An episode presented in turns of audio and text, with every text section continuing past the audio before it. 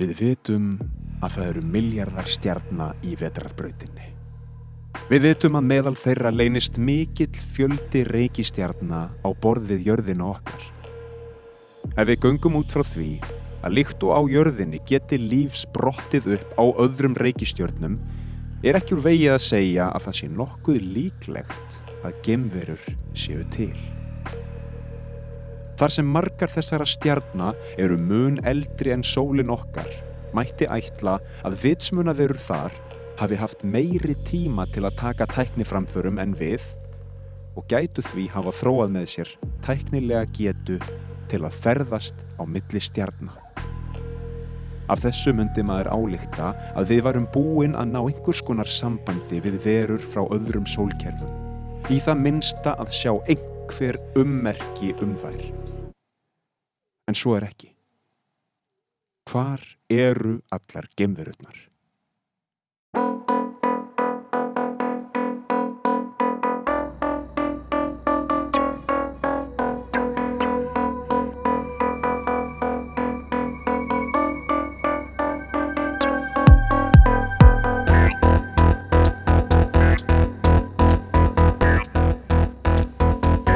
Fólk verið velkomin í fjórða þátt af hlaðvarpinu Heimsendir. Ég heiti Stefán Þór og eh, viðmælandi minn í dag er góð vinkona og leikona, Gummul Bekkisistir, Ellen Margret Berens. En áður en ég býð hana velkomna langar mig að uh, gefa shoutout og ég er búin að velta því fyrir mér hvernig maður þýðir orðið shoutout. Kanski er það útkall, uh, kannski er það uh, pepp sem er ennþá ennst orð ekki gott. Höldum okkur við shoutout. Áður en ég uh, kynni inn viðmælanda dagsins þá langar mig að gefa smá shoutout, uh, smá útkall á uh, fólk sem hefur stutt þetta hlaðvarp. Það er annars vegar Sherin Otomo,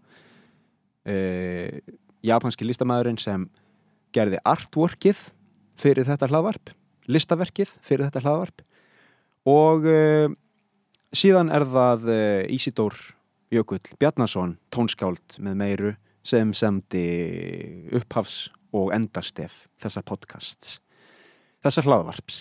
Takk ykkur fyrir það. Vertu velkomin Ellen Margret Berens.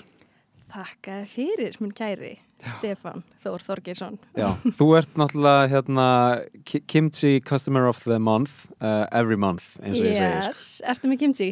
Ég er ekki með kimchi núna sko en hérna ég er svolít, já, búin að vera búin til mikið kimchi uh, síðan í COVID Mm og hérna Besta kimchiið, besta kimchi á landinu, possibly. Klálega. en við erum komin til að ræða um geimverur. Mm Þú trúir ekki hvað ég er spennt að tala um geimveru, sko. þú, þú ert mikil áhuga manneskja Ég er það. Ég myndi ekki segja að ég væri nördi, mm en ég er mjög mikil áhuga mannskja og mér finnst ótrúlega gaman að spá í geimverum uh, að því að, hérna, sagt, já, hann Addi, kærasti minn, Artmundur, -hmm. Bakmann hann er mikil reddit maður, ég hef ekki komist að læg með það en hann er alltaf að segja mér svona alls konar nýjastu tíðindi úr geimveru heiminum Einmitt.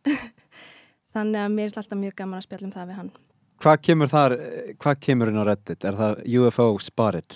Já, þannig og líka náttúrulega nýlegast er hann að eitthvað Pentagon eða Hvítahúsið eða eitthvað svona var að hérna viðkenna það að það væru hlutir að núti sem að þau vissi ekki hvað vor, voru og svona Einmitt.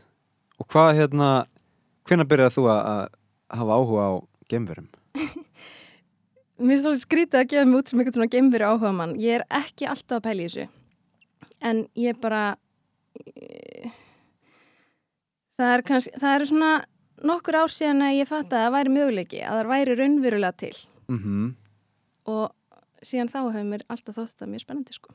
hvað var svona hvað, hvað var, hvað var það, þá at, sá atburður sem fekk þið til að hugsa kannski er Um, það til Það var eitthvað, hérna þetta, ég held að sé í Peru eða eitthvað starf, þar sem að eru svona, hérna, eitthvað svona eh, minnstur á einhverjum svona á jörðinni á, á einhverjum svæðum mm sem eru svona mjög hérna gömul og eitthvað sem að við hérna mannkynnið hefði ómögulega geta búið til eða ekki líklega allavega. Ég veit, ég veit ekki allt um þetta eins og ég segi ég er ekki nördi en ég, það og hérna píramítarnir það er einhver ár síðan að ég var eitthvað horfað okkur vídeo þar sem einhverjir voru svona útskýra hvernig mannfólkið ætti ómögulega að hafa geta hérna búið þessa píramíta til Mhm. sjálf og eitthvað svona. Ég nefnilega sá þessi vídeo líka af hérna, sem Pentagon uh, var að gefa út um, af þessum fljúandi förðurhlutum Já, og sko alveg algjör hérna, pepp að sjá þetta dót af því að um, maður sá, þetta er náttúrulega smá ógreinilegt en ég sá einhvern veginn svona hafflötin og, og myndamæli var að elta eitthvað eitthvað förður hlut já, sem skaust á ógnar hraða eitthvað Já. um loftið. Á móti vindi. Á móti vindi og, sko hérna snerist á eitthvað svona mjög ónáttúrulegan eða þú veist eitthvað svona þú veist með, sást ekki hérna hvernig þetta snerist svona já, já, mjög svona skringilega? Einmitt. Sem bara, veist, það fer gegn einhverjum svona, þú veist, augað í okkur segir bara nei, þetta er ekki hægt. Einmitt. Jesus. Gegn svona lögmálunum sem við höfum einhvern veginn sett okkur. Það er náttúrulega til hérna í, í bandaríkjunum Area 51, Já, svæði 51 mhm. Þú þekkir það? Já, ég kannast við þetta. Þar, ef maður fengi nú að fara þangað inn, sko. Einmitt. Þar getur leynst. Hann að um, einhver maður sem að var að vinna þar sem er svona uppljóstrari hérna, hvað heitir hann aftur? Það er einhver maður sem að sem sagt, Er þetta að tala um aliens-gaurin? Nei uh, ég veit það ekki hérna, His name is Bob Lazar. hann var sem sagt að segja hann var að vinna þarna sko Mhm. og hann var svona hérna byrjaði þessa umræðu fyrir alvöru af því að hann uppljóstraði eitthvað svona hvað hann hefði verið að vinna að. Mm og þá áttu að hafa lent ykkur skip utan á geimnum eða Mm, eitthvað á já. jörðinu og hann var svona uh, reverse engineeraðu Einmitt. Hérna koma staði hvernig þau einhvern veginn þú veist virkuðu eða, eða hvað, hvað tækniðu nótu og svona. Mm Og hann var þarna inn í þessu neðanjarðar skíli eða þú veist sem á bara að vera margar, margar hæðir af rannsónastofum mm greina einhverja tækni. Já, en svo kom hann út og, og uppljustraði já, eitthvað svo leis ég veit ekki alveg hvernig þetta er en hann einhver hérna, hann sagði hann sagðist líka eitthvað sem hann hafa séð, þú veist, farið eitthvað þar sem hann átti ekki verið eða eitthvað svona, ég man ekki alveg hvernig það var og séð inn í eitthvað svona herbergi mm einhverja geimveru eða eitthvað. Eitthvað svona ég verður bara að hlæja, skurðstofu. mér finnst þetta svo speysað eitthvað, og svo svona, svo svona snúa læknaði sér við og þá gengur einhverja dyrunum og svona dregur tjöldin fyrir. Ándjóks, hann sagði eitthvað svona. Já. þetta var, og hann lísti þessu sem einhverju sem ég skrítin í veru sem var svona smá eins og barn eða eitthvað svona. Það er mjög grífið maður. Uh, Æ. en hérna já svo uh, ég veit ekki alveg dítilin í þessu hvort, þú veist hvað mikið til í þessu en það sem að mér fannst mjög áhugavert var hvernig hann var að segja að þetta skip sem var hreyðist svona skringilega í loftinu þú veist þegar það er á ógnar hraða mm og það er inn í, inn í loftjóknum og svo snýr það sér einhvern veginn hérna oh, já, já, já, nei ég skil og þú veist það bara það stangast á við hvernig við upplifum já þennan veist eðlis heim já bara það væri mótstaðan bara í loftinu þú veist þetta meikar ekki sens. Mm en maður sér þetta á þessum vídjóum sem maður er búið að gefa út. -hmm. hérna hann sagði eitthvað svona hann var að segja að þú veist tæknin til þess að gera þetta er nefnilega alveg klikkuð. Gemurunnar það er einhvern veginn hérna kunna að vinna með tíma og rúm á eitthvað máta þannig að þú veist, þau náu sér líka svona hratt af því þau, þau taka allt frá og þau eru ekki að íta hérna eh, loftinu Nei, þau eru ekki að íta neinu, heldur er bara gameskipið þeirra, eða skipin þeirra, eru einhvern veginn að fylla upp í tómarúm, stanslust. Þau ná einhvern veginn að íta frá, þess vegna komast þau svona hratt. eins og einhvers konar hérna uh, tómarúms uh, lest uh, vacuum tunnel sem hérna Já, hæ, er ekki Hyperlink og Elon Musk og fleiri fleiri góðir meistarar með eitthvað þannig geggjaðar pælingar. Það, ég hef ekki hýrt um það. ég man það ekki. En það er einhver ástæða fyrir því að, að hérna svæði 51 í bandaríkjunum er svona vel vaktað. Mm þú veist það, það, það stendur á, á hérna það stendur á gyrðingunni -hmm. Trespassers will be shot. Eða eitthvað svona skiljur ég meina og það, er, það lítur að vera eitthvað ástæða fyrir því þannig að Mm veist, hver, hversu, skilur við, maður veit ekki hvað, hvert umfangið er þarna inni og, og svona umfang þess uh, að það sé líf frá öðrum plánetum, öðrum sólkerfum. -hmm. en það er eitthvað í gangi þarna Klálega. sem þau vil ekki að við vitum Þau náttúrulega viðurkendi ekki einu sinni að þetta svæði væri til Nei, fyrir en bara eitthvað 2000 og 2000 eitthvað, 2007 eða 13 eða eitthvað. og ég held að það sé mjög gott að viðkjanna það Mm af því annars ertu alltaf með einhverja einstaklinga sem munu vilja fara út í eðimörkina og afsanna það að þetta sé ekki til og finna Area 51 Einmitt. eins og hefur okkur gerst Já, það er sko, það er auðvitað fólk þannig alltaf með ykkur í kring með ykkur myndavilar að reyna að zooma inn. Já, með hérna einhverja svona einhverja svona hérna, hljóðbissur skilur til að, og svona heyrnatól Já. til að reyna, reyna að ná einhverjum samtölum einhverja njóstnabissur Oh my god. það er mjög gott en manstu, sko að því að ég hugsa alltaf þeir að reyna að setja svona uh, svona, svona hérna, málefni eins og geimverur í Mhm. einhvers konar um, fá einhvers konar mynda á það, einhvers konar heildasín þá horfi ég ofta á bíómyndir. Mhm. Ertu með einhverjum bíómyndir sem þú getur svona vísa til sem mannst eftir? Uh, að geimverur hafi spilað stórt hlutverk? Nei, ég veit ekki. Jú, ég eitthvað, jú, jú, jú, ég er náttúrulega hort á hérna Star Trek, sko. Já, Hérna nýja Star Trek sem er á Netflix. ok, veitu þættina? Já, já, já, já, Discovery hérna þættina, ég hóst á þá. Uh, þeir eru náttúrulega mjög bara svona mikið fiction. En samt sko, já, kannski. En það er svona af því ég fór svo, ég fór svo mikið að skoða hérna um, einhvern veginn þróunina og tækni þróunina í kringum uh, hugmyndina með gemverur mm í Star Trek erum við með mannkinnið sem bara svona eitt menningarsamfélag af þúsundum mismunandi menningarsamfélaga Mhm. sem hafa einhvern veginn dreift sér um alla vetrabrautina og kannski aðrar stjórnumþókur og búið til einhvers konar sáttmála um að vera í góða liðinu Mhm. og svo k- koma alltaf, ykkur, koma alltaf upp einhverju svona einhverjir bara, Já. eitthvað neyfólk skilur sem er bara ekki góða liðinu og er bara, er bara með vesen um, og það er svona svolítið Star Trek sko Já. þannig að það er á, ákveð vísenda skáldskapur en þú veist eftir miljón ár eða whatever Mhm. kannski þú veist kannski ef við, ef við, ef við finnum upp leið til að hérna e, búa á öðrum plánendum mm og ferðast á milli stjarna. -hmm.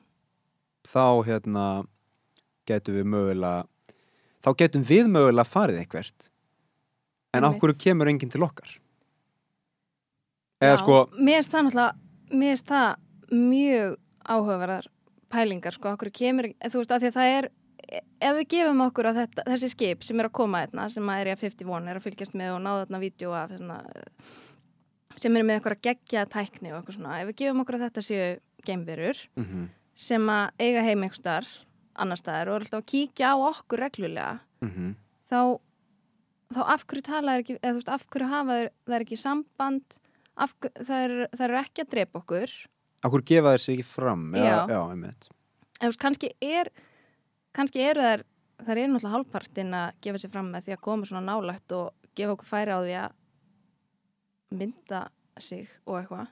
Já, en eins og, en, eins og maður sér þetta oft í bíómyndum, þú veist, þá er þá er einhvern veginn kemur eitthvað svona eitt geimfar mm og það brotlendir í eðimörkinni og einhver amerískur hermaður finnur það og opnar það og þá er einhver gemvera en bara svona að draga síðasta andardráttin. Já, um mitt eitthvað svona eins og hún hafi vilst af leið og endað brotlend á jörðinni og þú veist og kannski meikar ekki andrumslofti hérna, eða eitthvað svona.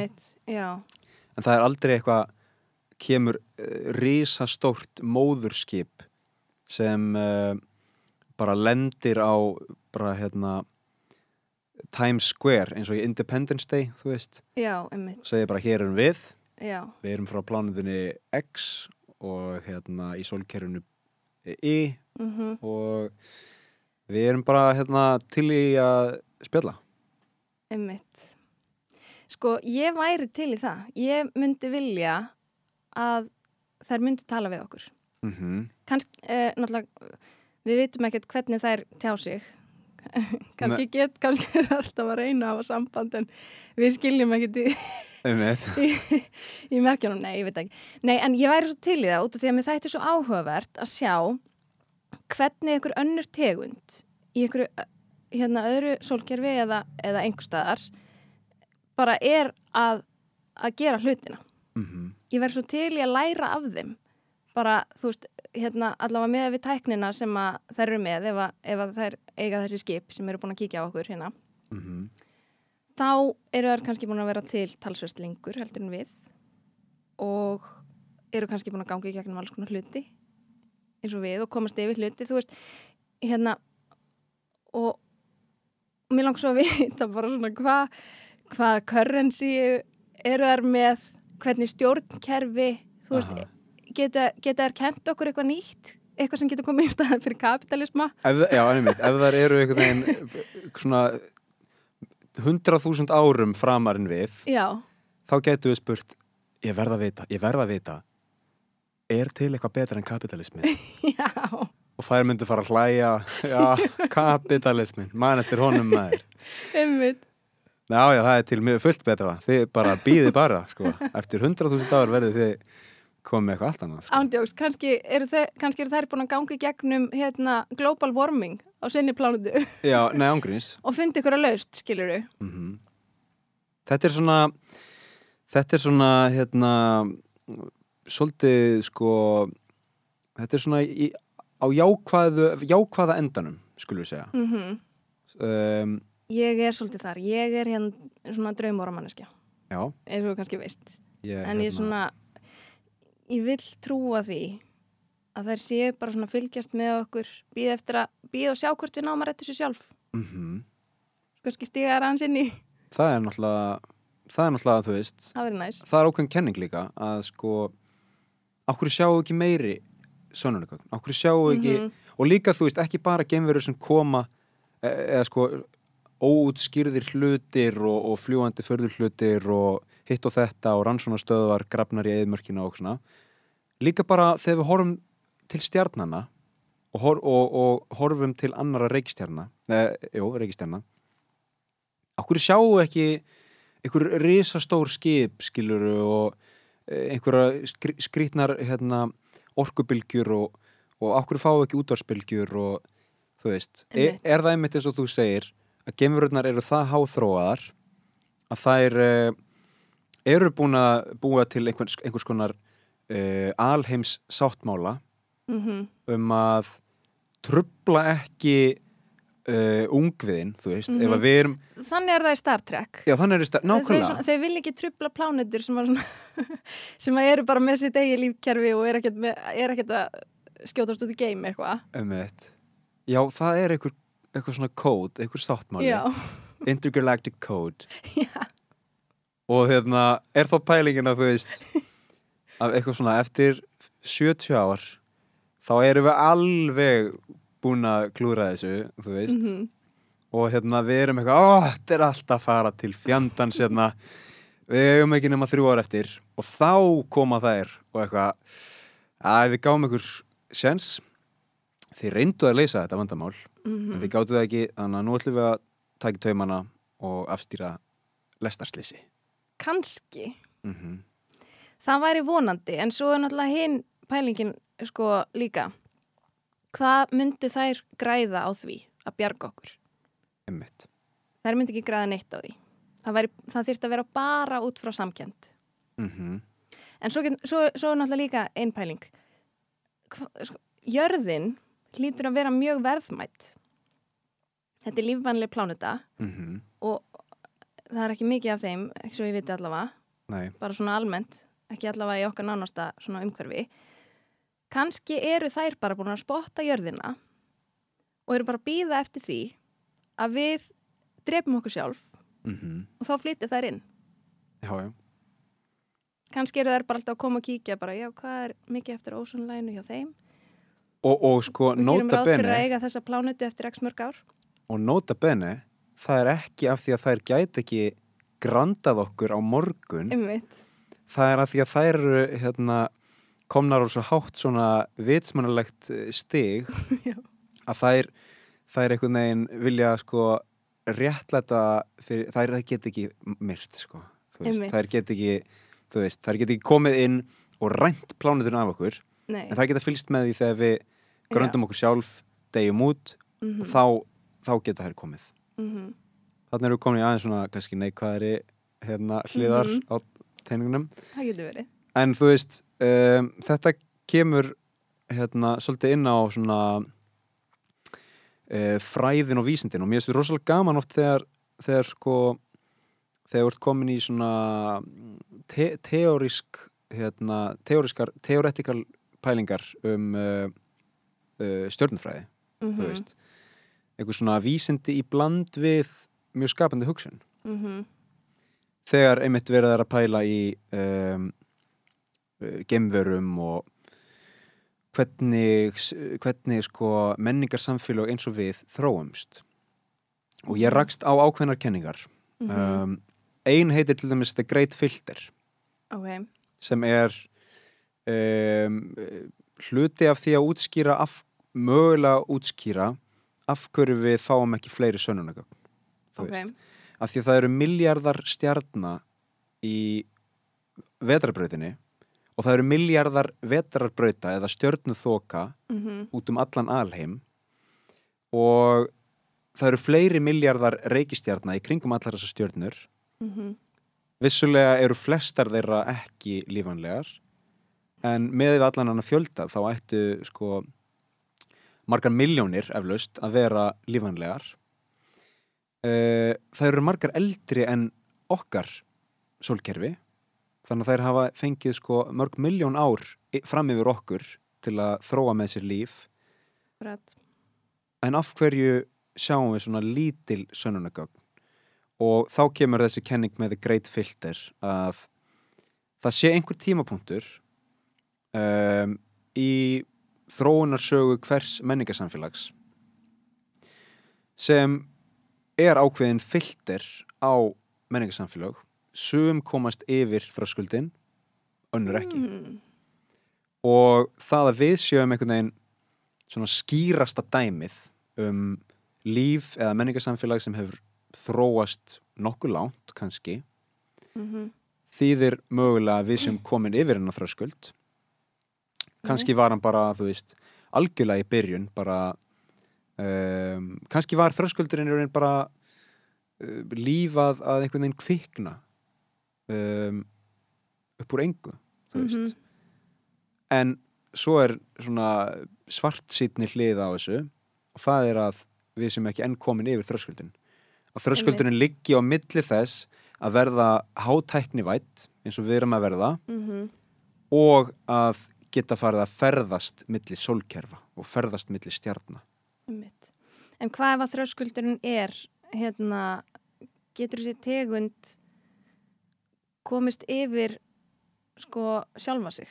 Sem sagt, mhm. hérna, þú veist, þegar hún er hægt að ógna sjálfri sér, eins og við ógnum okkur sjálfum í raun, náttúrulega með hérna, global warming og svo líka hérna erum við bara búið til ykkur kjarnorku vopn og þú veist, erum eitthvað svona að hótast okkar á milli hérna með þessi vopn og þú veist kannski um leið og við erum komin yfir það að vera okkur sjálfum hættuleg þá, get, þá, þá háum við framtíðina fyrir okkur. Ég held þessi mjög líklegt ef að filterinn er ekki liðin hjá mhm, að þá sé það nákvæmlega þetta. Og þá, sé, mhm, þá séum við að fara að ganga í, í gegnum hennar filter um, eða allan að gera tilrun til þess mhm, á næstu 100-200 árum. Mhm, og eins og þú segir, mörg vandamál hnattræn hlínun uh, einhvers konar, veist, veiru faraldrar eins og, eins og við höfum nú kynst heldur betur um, styrjaldir, veist loftsteinar, bara náttúrhanfri líka skilur mhm, hvað hérna hvað, uh, hvort við munum lifa af sko, algjörlega. Það er, það er Ég held að okkur stafi mest ógna okkur sjálfum, miklu frekar heldur en einhverjum til dæmis geimverum eða eða einhverju, einhverju utanakomandi sko. Já, ég held að það sé alveg rétt sko og, og líka að því að maður myndi ætla að, að geimverur sem eru komnar hingað Mhm. eru komnar yfir þennan filter eru búnar að sko e, svona mæta því vandamál sem er þær sjálfar Mhm, og læra af því mitt. og hérna vilja kannski ekki kenna okkur af því að kannski þurfa að læra sjálf Einmitt. Ú, áhugavert. Ú, Hérna, náttúrulega, en það, það er, herðu, svo eru náttúrulega hérna kenningarnar, eða þú veist hérna þetta með astekana og þeir voru að fórna gulli til guðana og svona. mhm, Kannski voru þar einu sinni að hafa samband við okkur. Það er Mhm. kenning, sko, að þetta guðirnir innan gæsalappa hafi verið gemverur og gullið er náttúrulega svo verðmætt og hérna nýtist svo vel í alla tækni og eitthvað svona. að Þær hafi verið komið hingað til þess að að ná sér í gull. ég meina það allt svona, þú veist eiginlega öll mannkinnsagan er bara um, skráði gegnum einhvers konar sagnfræði sem Mhm. er ekki einu svona anhliða, hún er veist oftast bara einhliða, Mhm. veist og það er ekki fyrir en bara á, á síðustu áratögun sem við erum virkilega byrjuð að geta skrá eða sko halda utanum uh, svona óeiggjandi sönnunagögn Mm þú veist en við ölumst upp í þeim heimi þar sem maður vill alltaf bara sjá vídeo af ykkur eða mynd af ykkur eða Einmitt. annars gerðist það ekki eða eitthvað svona Mhm. en það er alveg rétt, þú veist, fyrir þúsund árum eða eitthvað rúmum þúsund árum þegar astekarnir voru voru uppi að þá, já, mögulega getið það verið einhvers konar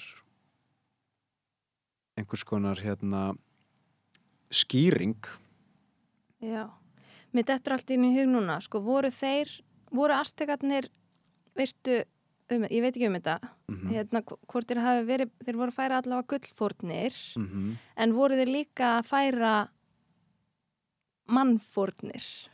Já, ég held það ég er ekki sérfræðingur ég, Herðu, þá dettur mér eitt klikka í hug. aha, Þessar geimverur gætu hafa tekið fullt af fólki og sett, sko, mannkynnið líka okkur aðra plánetu, kannski ef við frændur, Já staðar. Var það ekki gaman? Sem væru hvað? sem væri bara eitthvað búin að þróast eitthvað svona smá, kannski, kannski væri búin að þróast eitthvað smá öðru sinni við. Lík, eða, eða búin að fá kennslu frá þeim þau eru að gera tilrun okkur. En líka sko, líka bara pælingin þú veist um, ef að jörðin ef að, ef að, ef að segjum bara jörð 2 sem þessar geimverur uh, f- fóru með frænd fólk okkar til mm -hmm, er eitthvað öðruvísi en jörðin mm þá getur það haft rosalega miklar hérna eh, þá getur það va- valdið rosalega miklum breytingum á okkur. Já, þú veist, aðeins minna þingdarafl og þá erum við einhvern veginn þá þurfum við ekki að vera með svona sterk bein og sterka Já. vöðva, þá getum við Ó, orðið ég, kannski fjóri metrar af einhverju. Já þetta hefur verið í ykkur myndi, ykkur þáttum eða eitthvað, ég man ekki hvað hérna, hvað það var. Það var ein, einhverju þættir sem ég sá þar sem var eitthvað svona fólk sem að hefði búið á okkur svona plánuti sem að minna hérna, þingdarafl og þau voru svona miklu lengri og mjörri af því að þau, Einmitt, þau bara þau hérna, fjöppuðust ekki svona niður eða eitthvað þetta er það sem gerist þegar, þegar hérna, geimfarar eru á alþ, alþ, alþjóðlegu geimstöðinni Mhm, uh, International Space Station. Þau eru þar held ég alltaf sex mánuði já, og þau þurfa að vera í einhverjum, af því þau náttúrulega í þingdarleysi þú veist, eða svona að mestuleiti, þingdarleysi þau þurfa að vera í alls konar svona skrítnum uh, uh, liftingatækjum og þú veist, er, á, Já. er á hlaupabretti en er einhvern veginn svona ströppuð niður við brettið til að koma í veg fyrir að sko hryggjasúlan bara einhvern veginn eh, bara vaks ekki sundur skilur að þú veist, Já. þau þurfa að halda að því að Já, þingdaraflið er svo engin mótstaða heldur, bara til dæmis nei, þau þurfu ekki að nota vöðvana. Nei, þau þurfu ekki að nota emitt vöðvana í höndinni til að lifta henni. Nei, bara þingdaraflið er ekki til staðar og það, og það er Einmitt. kannski í klukkutíma er það ekki eitt næs að þingdaraflið sé ekki til staðar og maður getur bara spynt sér einhvern veginn tíu metra skilur en til lengri tíma þá er þá fer það að hafa mjög slæm áhrif á líkamann þú veist. Hvernig ætli áhrif það hafi á meldinguna? Úff. Það var bara Gardinnar eru bara fljóðandi Í hérna uh, að því ég var að skoða líka sko hvað myndi taka mann langa tíma að fara til Mars um, að því að þessir hérna svaka ruglidallar uh, og þetta er ekkert illa mynd uh, ég ætla ekki svo sem ekki að vera að leggja skoðum mína á, á, á Elon Musk og fleiri, fleiri góða en, en Elon Musk er hérna búin að segja þessi rugglut já, já, það er svona ákveðið stemmingsorð bara. Já, já. Sko, Elon Musk held ég að hafi verið um, að talandi um það í einhverju viðtali að, að um, eina leiðin til að bjarga okkur frá glötun væri að uh, eða allan að auka líkurnar á því að við getum lifað af einhvers konar heimsendi. Já, um, er þá ef að við erum komin á aðrar plánetur þú veist, bara dreif okkur um sólkerfið. Já, og hann talar um Mars. Mars. Það hérna væri svona lífvænlegasti staðurinn. Það er náttúrulega langt frá því að vera lífanlegu staður. En það kannski það er betur en Júpiter ágætlega nálægt og en byrju, hvernig ætlar hann að búa þar? Hvernig hann ætlar að vera þar einn kallinn. Í einhverju höll. Nei, sko, þú veist ég googlaði það. 480 miljón kílómetra fjarlæð Ok, það er nú ekki svo mikið. Það er ekki svo mikið, það tekur uh, sjö mánuði cirka Ok, og fólk er eins og ég segi á hérna alþjóðlu geimstöðinni í uh, tæplega það. Þannig að við höfum, við höfum Bíddu, gert það. Já, við erum með stöð á Mars? Nei, nei, við erum með stöð sagt, um spórbög um, á spórbög um jörðina. Já, já, já, og hún er ekki á neinu. Hún er bara, hún er bara, er bara bara svífur hún flýgur ringin í kringum jörðina mjög hratt, notabenni, ég held að hún fari eitthvað 14 umferðir eða eitthvað á sólarring eða meira sko, já, 14 umferðir ok. á klukktíma eða eitthvað. Eh, hérna, sjáum hvað hún er eh, hátt yfir, hún er 408 km eða 400 km yfir jörðinni. Já, þar svífur hún um og fólk er þar í 6 mánuði. Mhm, sem þýðir að sko að, að það að hafa einhvern þar í sex mánuði gefur manni svona ágætis mynd um hvernig það væri að senda fólk til Mars. Mhm, um, vandamálið er náttúrulega þegar þau eru komin til Mars mhm, hvað býður þeim? Eða hvað, hvað býður þeirra? Hvað, hvað gerur þá? Uh, Er ekki svolítið mikið af eldgósum og, og vissinni? Jú, og þ- þ- náttúrulega Við ráðum ekki einu sinni við hérna það sem er í gangi hérna núna Nei, nákvæmlega, svo það er bara það flæðir þú yfir vegi þú veist, við getum ekkert við getum ábygglega ekkert byggt neinn neitt að viti, en þú veist, kannski getum við verið á geimstöð í kringum Mars Mhm. Já, og, og þú veist þess vegna á Mars eins og gerist í myndinni The Martian sem er hana. Matt Damon, hann byrjar að rætta karteblur ok, rosalega mikið af karteblum? Já, hann lifir á, lifir á karteblum einum saman í eitt ár. Ok. Af því hann festist á Mars. Þeir fór til Mars, átti ekki að vera lengi. Mhm, hann varð úti í einhverjum stormi og, og þau þurfti að yfirgefa Mars. Já, og hann varð eftir, skiluru en með einhverja svona stöð. Já. Og þau eitthvað, ok, við getum bjargaðir en það tekur eitt ár að byggja aðra geimskutlu. Mm, geturu rækta kartablur og, og chillað í eitt ár? Og hann gerði það. Ok. spoiler alert eftir á. Já, en hérna en hérna já, ég meina það er líka oft, þú veist, er það ekki fyrsta fyrsta sem hérna, mannfólki dettur í hug þegar þau hugsa gemur, marsbúar jú ég er samt ekki þar eða þú veist svona, sem barn Já, já. þá hug, hugsaði ég það skilur þá hugsa maður um grænu grænu skrýtnu dýrin á Mars Sástu myndina Mars Attack? nei, Hún er svo traumatic, sko.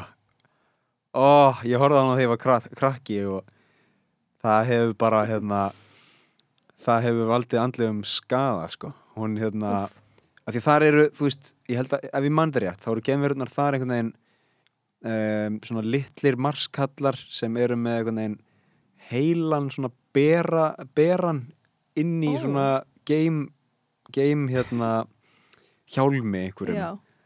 Ógeslegt stöf sko. Ú, og þeir koma til Íslands með svona laserbissur, nei Íslands koma til hérna jarðarinnar með svona laserbissur og byrja að skjóta alla. Og þegar þú verður fyrir skoti frá marsbúunum þá Já. breytistu um leið í, í beinagrind, það er bara þú bara Ó. svona gufar upp shit er þetta barnamynd? ég held ekki sko en ég sá hann sem barn nei, hérna það eru marga myndir, ég, ég man eftir einni góðri District 9 hefur séð hana? Uh, ég náttúrulega, ég gæ, það gæti verið en ég er svo lélega með svona titla sko. Já, já, já, hún gerist í Sur Afríku já. það er svona gemvera sem uh, gemverur sem lenda hérna ekkert sem 1983 og og hérna uh, su í Suður Afríku þú veist, Já, móðurskipið svífur svona fyrir ofan Jóhannesarborg og þær brotlenda og eru allar mjög einhvern veginn veikburða þannig að Jóhannesarborg veitir þeim hæli já, en býr til svona nýtt hverfi þar sem þær eru einangraðar þú veist. Býr, og hérna og uh, síðan gerist myndin einhvern tímann 2009 eða eitthvað, þú veist, 30 árum setna já, og þá er komið svona rosa mikill rígur á milli mannfólksins og gemverana ó. Það voru ekki þakkláttar fyrir björgunina.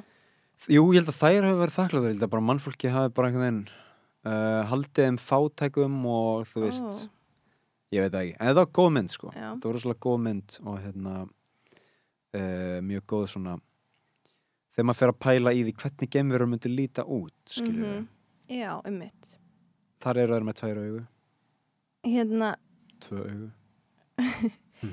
Um, það er einhver mynd, ég veit ekki hvort að, sko, ég, nefnilega, þú nefndir áðan Interstellar, en ég, man, ég, ég eins og ég segi, ég er mjög liðleg með uh, titla, en það er einhver mynd, þar sem að voru að komu og þær voru svona, þær tungumálið þeirra voru eitthvað svona ringir með eitthvað svona munstrum í. Arrival, Já, Arrival, emmitt það var rosaleg mynd.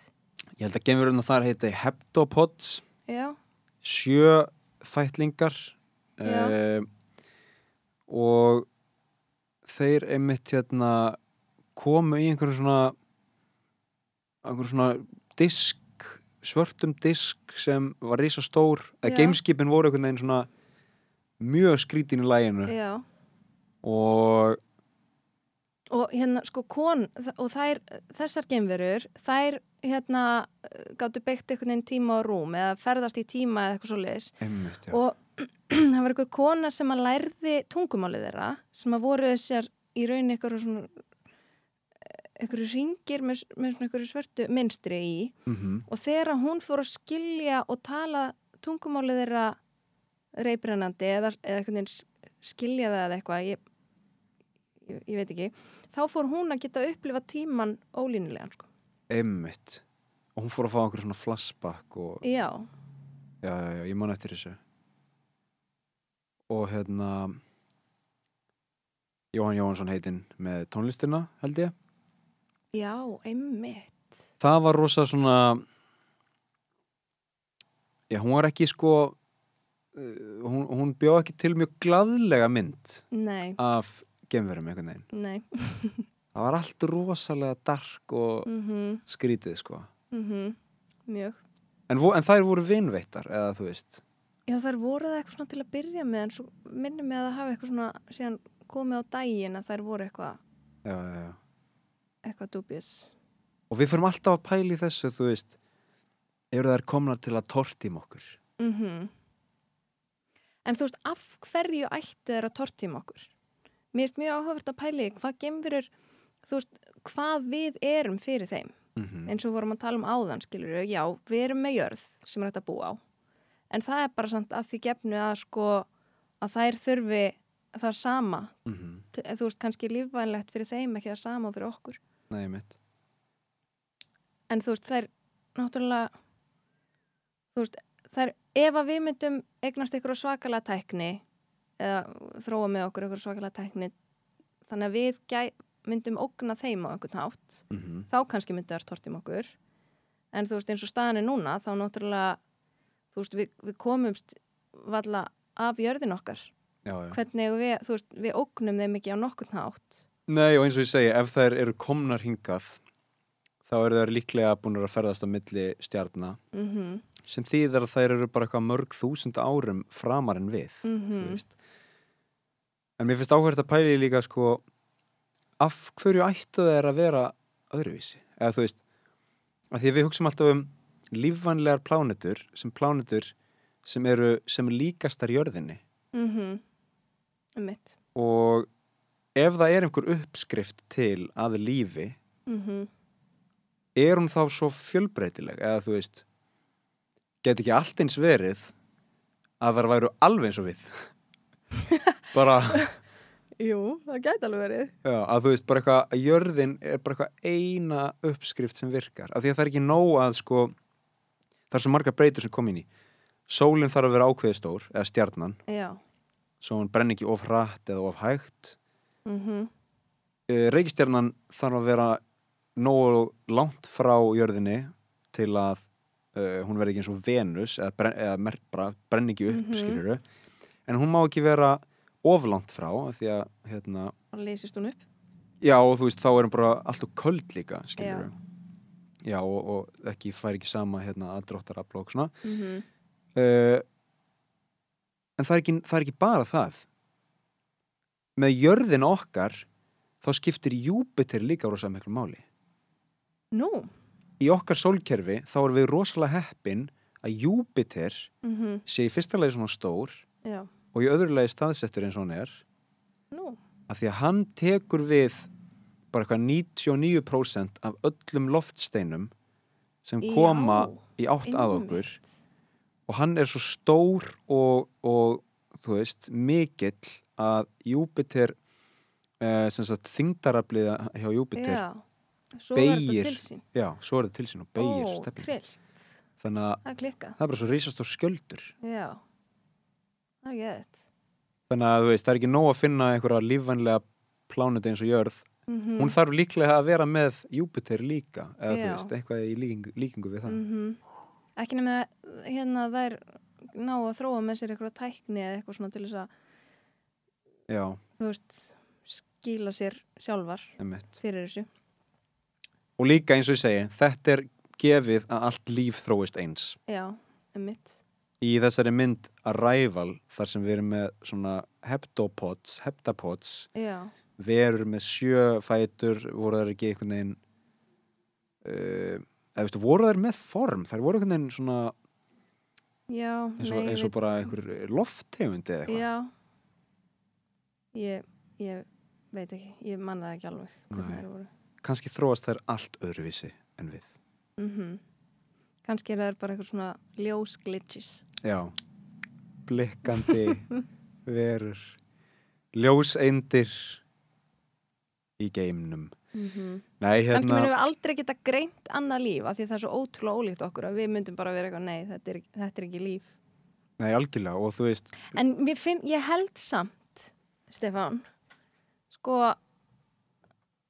ég náttúrulega veit ekkert um það, en mér líður einhvern veginn eins og það sé að líf, að það sé til allavega líka líf sem er svona smá eins og við, skilur Mhm. Kannski þurfa þau eitthvað svona aðeins öðruvísi samsetningu hérna andrumsloftsins eða eitthvað svona, skilur En þú veist, já, ég held það, ég meina mér finnst það, líklegra, það er svo margt sem spilar inn í hvernig við þróumst. Já, og það er svo það er, það er mögulega ó, mjög ólíklegt að að hérna það sé eina leiðin fyrir líf að, að þróast. Mhm, ef eitthvað eitt hefði breyst í okkar fortíð Mhm. þróunar sögu þá hefðu við örgulega litið allt öðru út.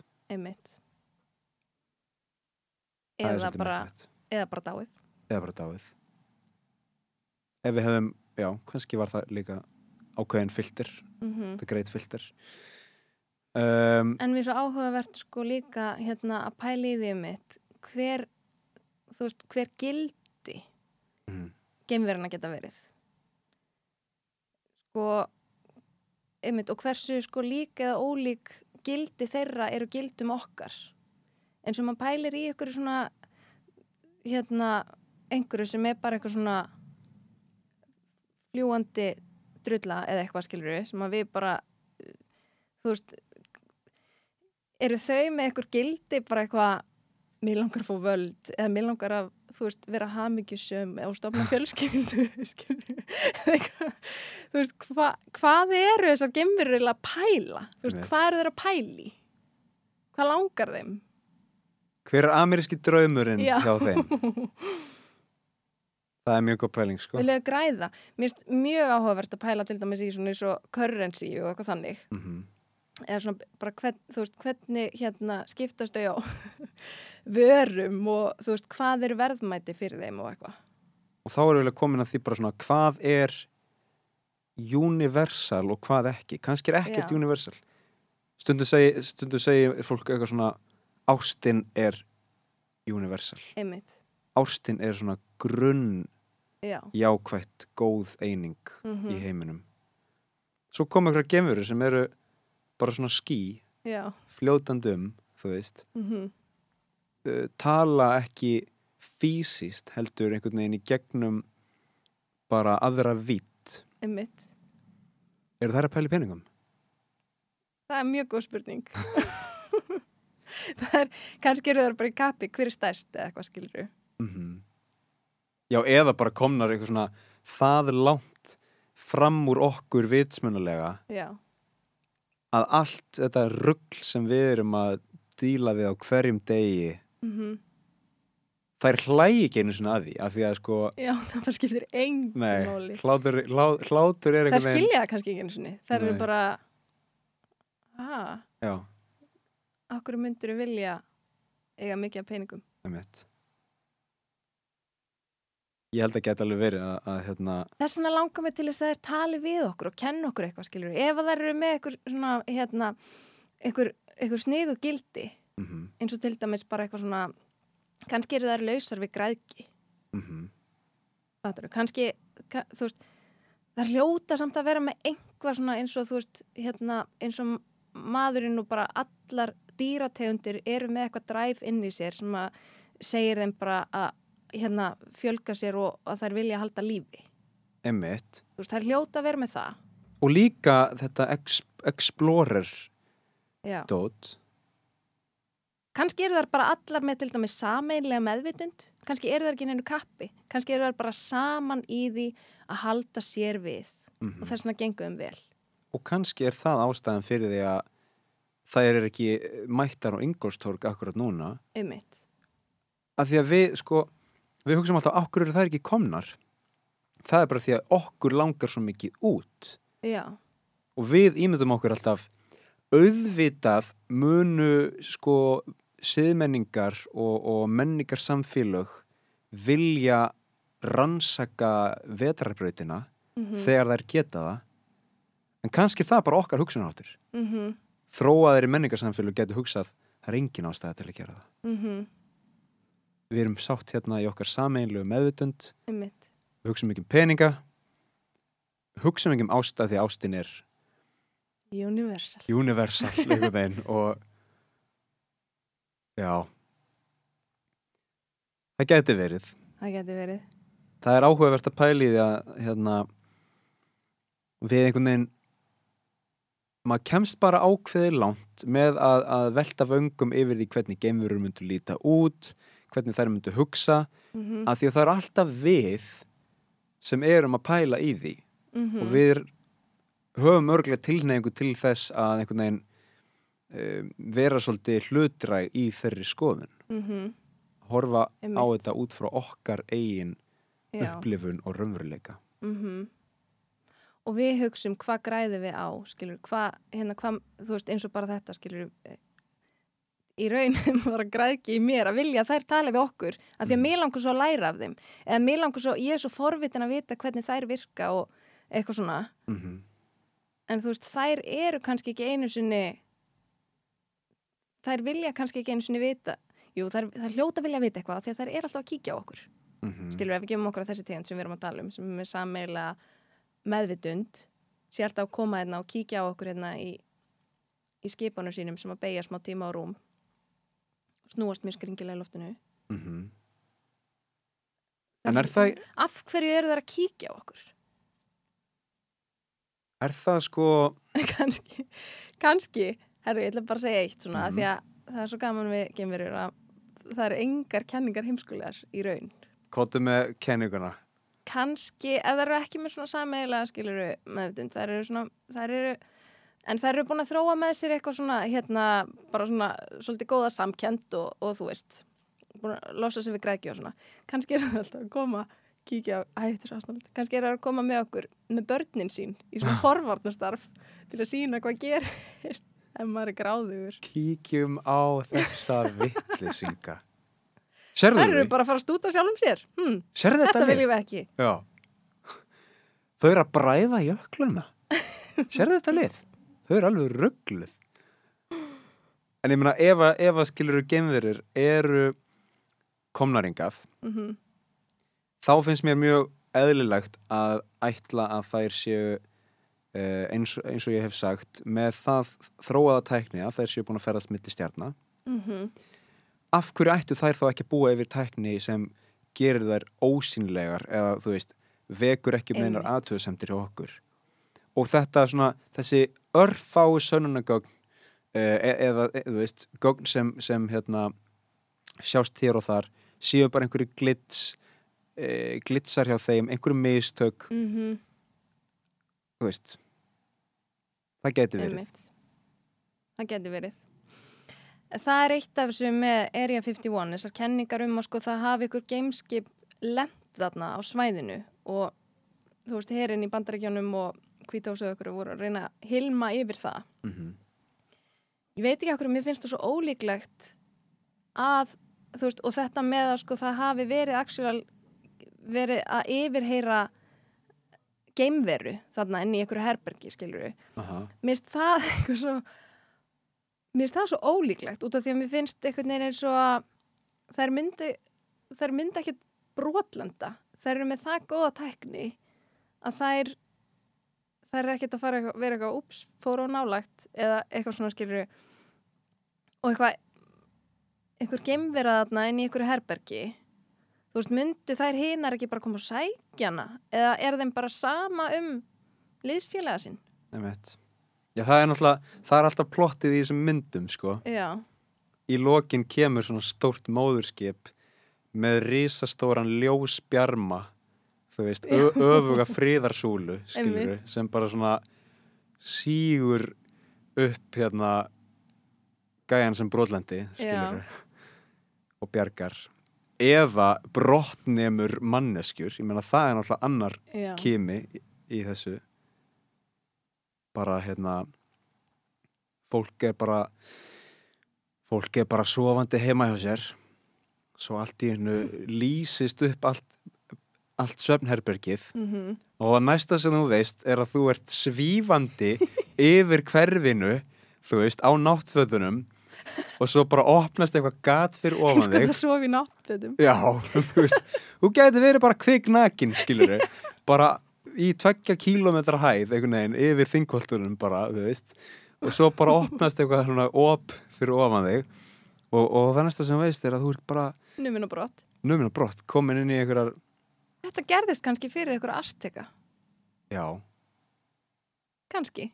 Þá bara í guðana bænum við verðum að gefa þeim gull. Ég, ég get þetta ekki eftir, ég get ekki meira. Ég meina þetta er allt pælingar sko. það hérna mér finnst alltaf ógeðslega gaman þegar maður sér sko um, svona skapandi fólk uh, velta þessum pælingum fyrir sér. Seti einhvers konar bíómyndaplott eða skrifa bækur, þú veist, Mhm. allt þetta.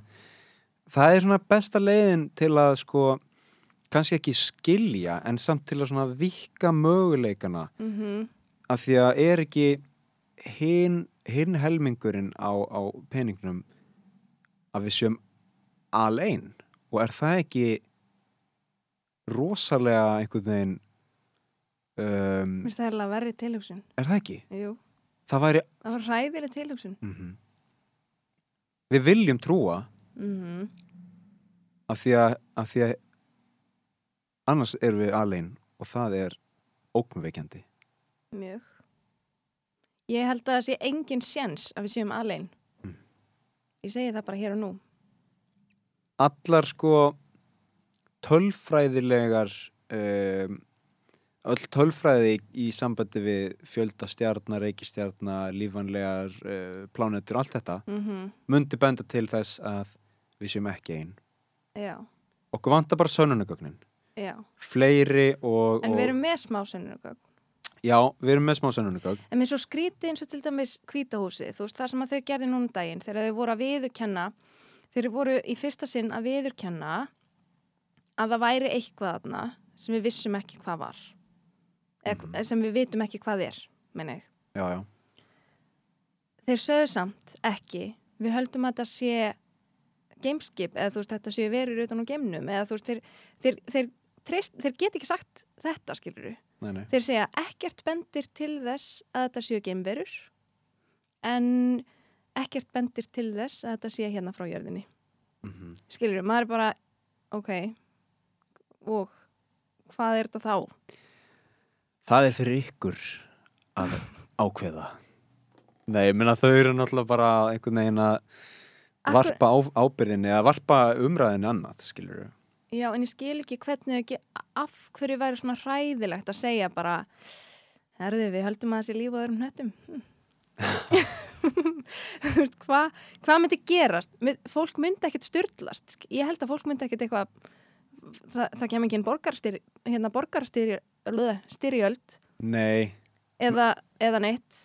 það myndi örgulega hafa áhrif á sko um, svona hérna fjárveitingar til hins ofinbera í bandaríkjunum. Þú veist, fólk myndi fara að berjast fyrir því. Þannig að þetta er kapitalismin. já, ég menna, en þú veist fyrir fólk sem er að leita að hérna, er aktífli að leita að gemurum Mm þá gæti það verið mjög gott ef að NASA myndi segja herðu, þetta er, er búið að fá þetta staðfest hérna, við vorum að fá eh, fre- fregnir hérna í morgun uh, geimurur eru til -hmm. að þá myndi hérna veist, allt fólki sem er einhvern veginn enn og aftur með heyrnatólin og uh, þetta er bíómyndin um þetta Jodie Foster og fleiri Mhm. góðir sko um, þá myndu þau bara hoppa hæð sín af gleði og bara yes og halda áfram leitinni, þú veist bara nú þurfum við að bara, við erum bara að fá sönnun á þessu Mhm. staðfestingu, nú þurfum við að hérna, nú getum við kannski broadcasta því út í, þú veist Já, Kæru gemverur, uh, þið þurfið ekki lengur að vera hérna, hrættar við uh, ofinberun á jörðinni. Við erum búin Já. að ofinbera það fyrir ykkur. Þið eru til. Velkomin, gjöra svo vel. Og þá, og þá myndi örgum að drepa okkur. Nei. Þá kemur einn svona le lasergeisli sem myndi bara sprengja jörðina. Æ, æ, æ. En það er sko að því að hérna við hugsum alltaf eigum við, eigum við að skilið að, að hérna um, lifa af eða þú veist Mm -hmm. við erum að granda okkur sjálfum þú veist, að einhverju leiti ef við komumst fram hjá þeim hjalla ef við hérna lærum nú af þessu vandamáli sem við stöndum frammi fyrir og, og lærum að leysa það vandamál Mm og þróumst jáfnvel til þess að geta ferðast um sólkerfið okkar uh, og víðar milli Mhm. stjarna -hmm. höfum við þá einhvern æðri tilgang til að dreifa lífi Dreifa lífi, hvað minnur? það er að segja, Minnur bara að setja stað eitthvað annar staðar eða? já eða myndum við þá á þeim tímapunkti komast á, á þann svona vitsmannilega stað að við myndum hugsa við getum ferðast til annara pláneta Mm -hmm. um, en við ætlum ekki að tröfla neitt sem er í gangi þar Einmitt. Sko, það er náttúrulega spurning. Um, myndu við, til dæmis, veist, ég, uh, ég hugsa að við myndum, al, við myndum ábyggilega líka ef, það væri, ef við sæjum eitthvað, svona hérna, plánundum með eitthvað tegund sem að væri bara ekki að blank komin og eitthvað svona. mm -hmm. Við myndum ábyggilega ekki fara og drepa því öll til þess að geta flutt inn, Nei, skilur við, á þá plánundu. En ef það væri eitthvað plánunda sem að væri bara auð og væri hægt að búa ég held að e- væri kannski ekki tilgang ég held að mér lefur ekki eins og það yrði okkar aðri tilgangur að hérna dreif okkur en við myndum ekki þurfa að hafa áhyggjur af fólksfjölgun. Mm við gætum bara haldið áfram að aukast En- út í heið óendanlega skilur við, svo lengi sem við hefðum einhverja plánendur til að koma okkur fyrir á. En þá komum við að bara svona stóð, stórri bara stiðfræðilegri spurningu. Mm eigum við að stækka og dreif okkur Ég veit það ekki. ef þú veist, ef okkur langar það skilur og við getum það án þess að með einhvern annan þá sé ég ekkert, ekkert gegn því. ég held að sé okkar eðli þú veist, Já. að vilja alltaf fara lengra og lengra Mm -hmm. og ef við getum eitthvað Mm þá er það held ég sko bara tímaspursmálum hvenar við gerum það Já, ég held að það sé rétt. En mér finnst bara, mér finnst siðferðið vera alveg mikilvægt í þessu sko, af því að mér finnst, mér finnst alveg bara svona, mér er hræðilegt ef að við værum með það, við myndum halda áfram að vera það gráðug, skilur, að við, við hérna teldum okkur eða eitthvað meiri rétt á einhverjum plánetum heldur en einhver- einhverjar aðrar tegundur mögulega, skilur, Mhm. uh, sem að við nú þegar gerum náttúrulega, við, hérna, við, okkur finnst við eiga að tala sérst meiri rétt til lífs heldur en dýr, bara basically öll dýr, aðra tegundur á þessari jörð aðra tegundur, já. Og ef, að, ef okkur finnst þú veist, við eigum alltaf meiri rétt til lífs heldur en einhver sem er heimskari heldur en við. Mhm. eða að- eftir því sem, það sem við köllum heimskari. Einmitt, bara ekki jafn vitsmunulega þróaður eða, eða á öðrum staði í þróuninni. Þannig að ef við fyndum þetta náttúrulega gæti samt sko ég mynd sko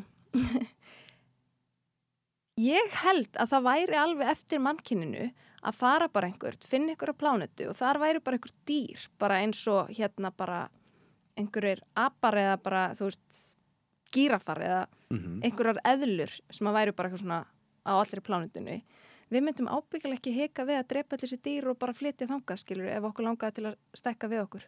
Nei, nei, ég menna annað eins hefur nú gerst. Einmitt. Það er það sem við höfum verið að gera.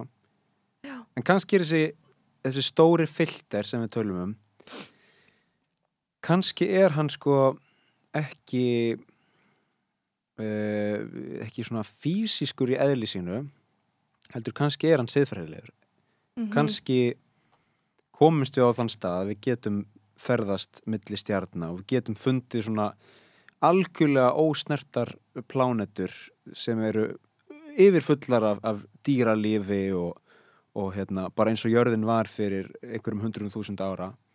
-hmm. og við mætum þeirri uh, erfiðu ákvörðun. Eigum við að, að dreif okkur hérna? Eigum við að láta þessa plánetu um, njóta eða sko eigum við að taka þá áhættu að, að rústa þessari fallegu plánetu? Mm og þá eru einhverjar æðri geimverur sem fylgjast með og gera og af því að það eru æðri þá munum það ekki veðja á þetta. -hmm. En ef þær væru vittlusir hérna, vittlusir manneskjur þá myndi þær fara að veðja á þetta hvort, hvort, hvort þau gera. En þau myndu sjá. Við myndum ákveða já, þessi plánenda lukkar ógeðslega vel. Let's go. -hmm. og bara búm, rúst okkur. Þið heldur að þau myndir rústa okkur aðri gemururnar já, e, eða þú veist fyrir það að ætla að taka eitthvað svona fallega plánutu og óhrengana já, eða bara strýpa okkur allir í tækni. Mhm. bara nei, þið farið tíu þúsund ára aftur í tíman En af hverju eru við eitthvað ór, þú veist, óhreitni heldur en steinn? Eða skilur, af hverju, hérna, að því að náttúrulega, sko, við, við erum líka bara einhver dýrategund. Mm algjörlega. Ég er algjörlega, bara ekkert nema þannig að, við erum bara dýrategund með ógæslega stóran heila. Já, sem þess vegna getum við verið að pæla í þessu ruggli já samt notum við allt og lítið af honum. Kannski geta þér kent okkur gemururnar að nota heilandi fjöls já, þú veist það er, æ, hvað er þetta að tala um? Man, manneskja noti svona 12% af heilanum sínum eða eitthvað þannig? Ég veit það ekki. Ég hérna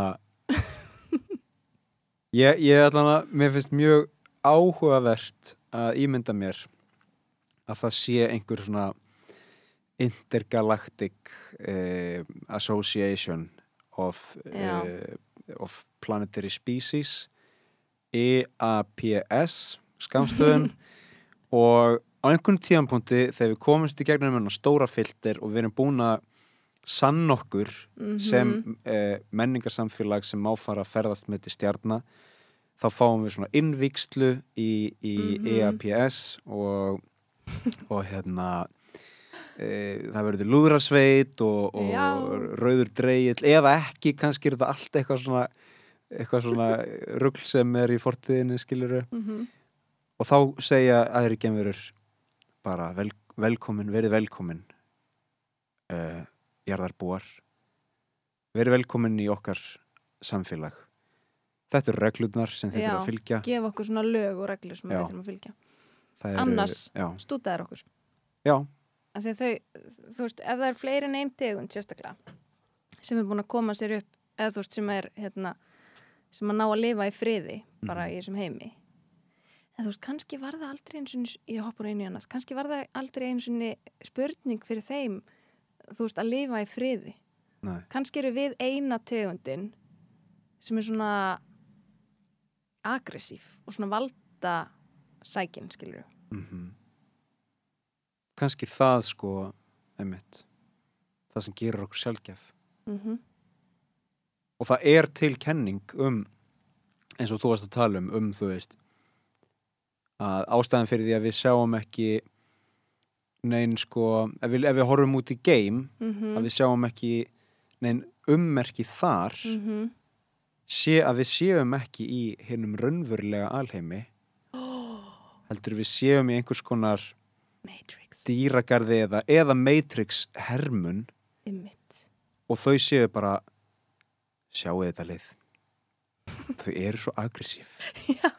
Þau eru alveg ruggluð á Þau því mega sko. alls ekki komast út. nei.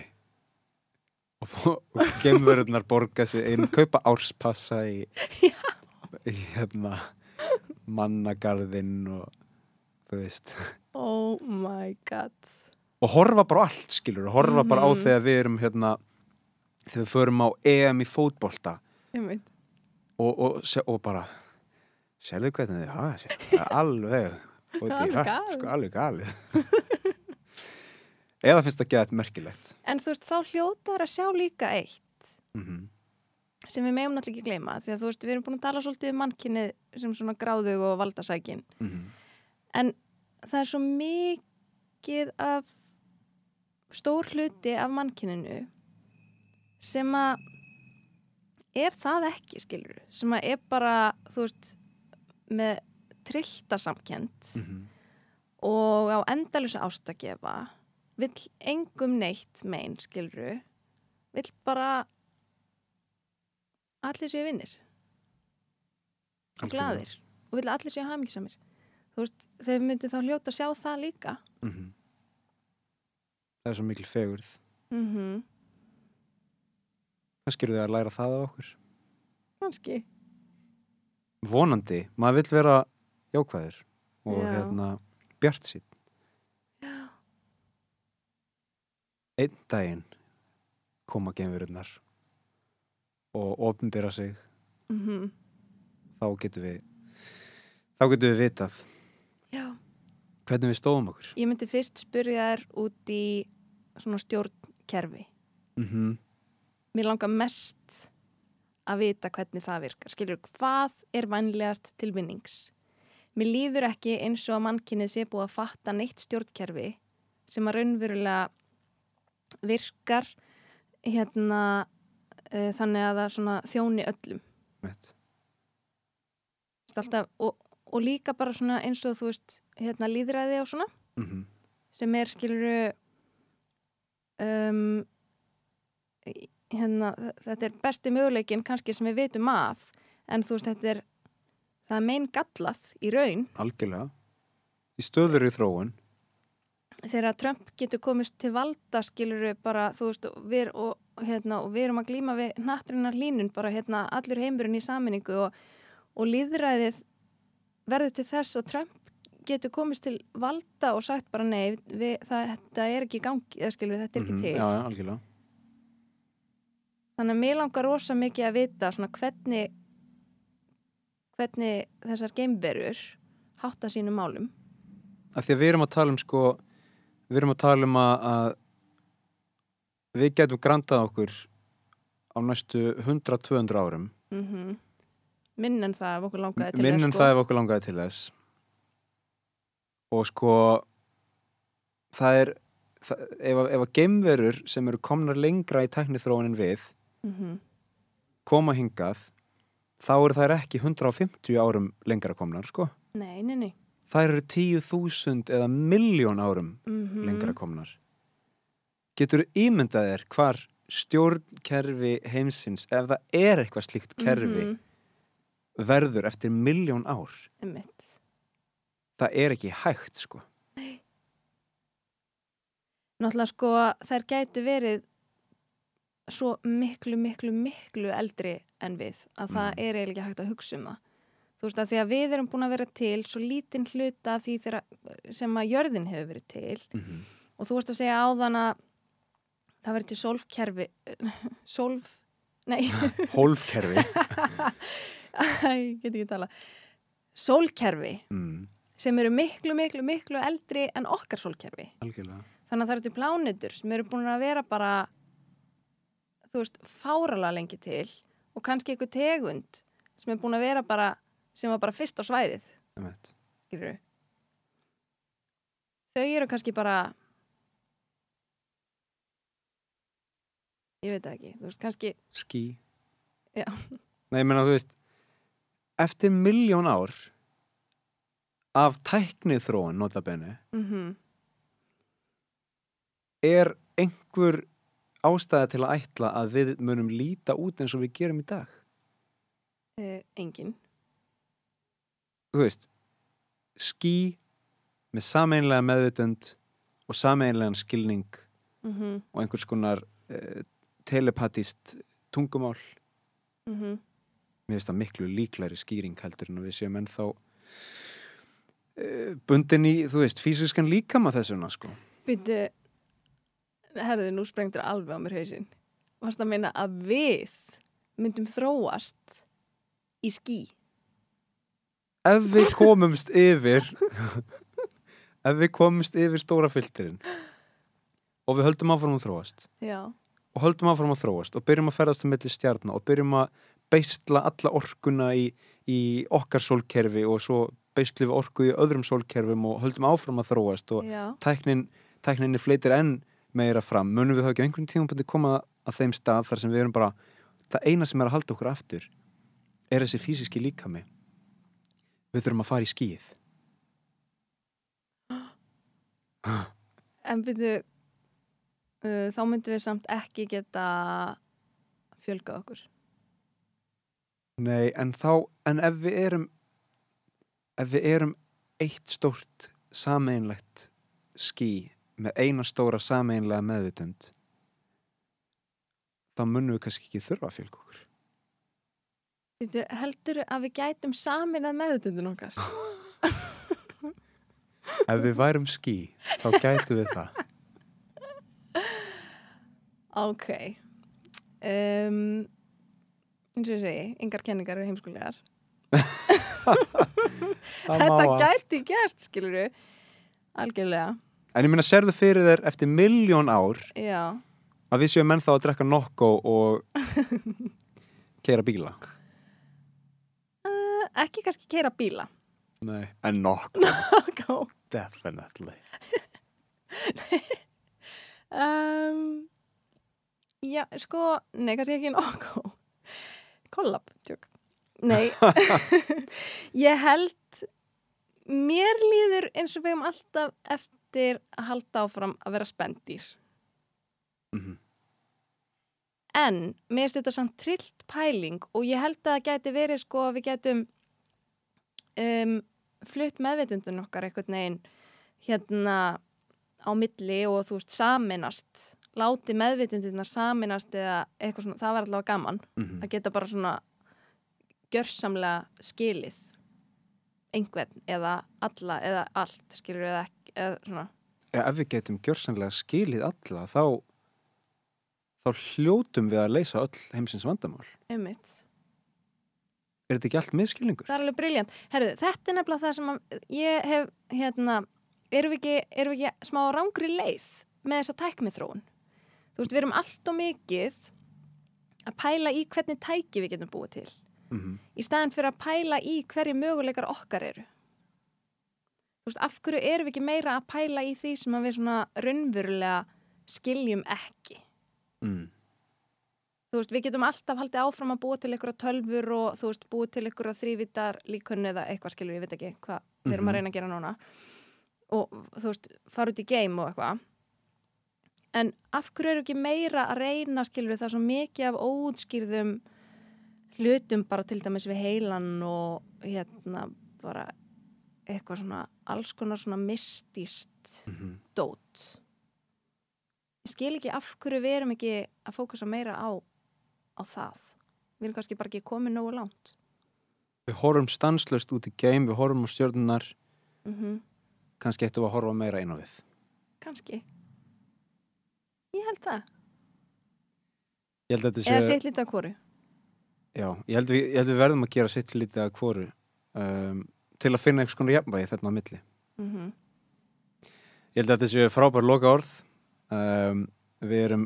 það voru eh, svolítið góða loka orð við erum sko rétt að bara svona snerta á yfirborðinu.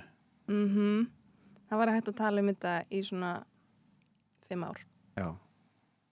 Og fólk hefur vel eflust gert það. já, En hérna, þetta var gaman. Ég ætla að þakka þér kærlega fyrir uh, að koma í spjallið, uh, Ellen. Margaret. Og bara takk fyrir að fá mig rosalega gaman, ég er bara hvíligur heiður ég hlakka til að sjá, eða sko, emmitt, vonandi fæ ég þann heiður að sjá geimur einhvern tímann. oh, ég líka Það væri svolítið gaman. Ég ætla að setja það á svona budget lista. Nei, budget. jú, jú, budget. Nei, Já, bucket. uh, einmitt. en hérna, já, við, hérna, við komum kannski aftur í rán 2 þegar við erum búin að hitta geimurur. Algjörlega, mjög til í það. Og kæru hlustendur, takk fyrir uh, góða hlustun. Um, ég hérna mæli alltaf með að, að fólk uh, taki þættina og fari svona áfram og kynni sér meira og, og, og skoði og hafi augun opinn fyrir þessum umræðafnum af því að, að því þetta er náttúrulega mjög gaman að pæla í þessu. En uh, þangu til næst þá þakka ég aftur fyrir hlustun og segi takk og bless.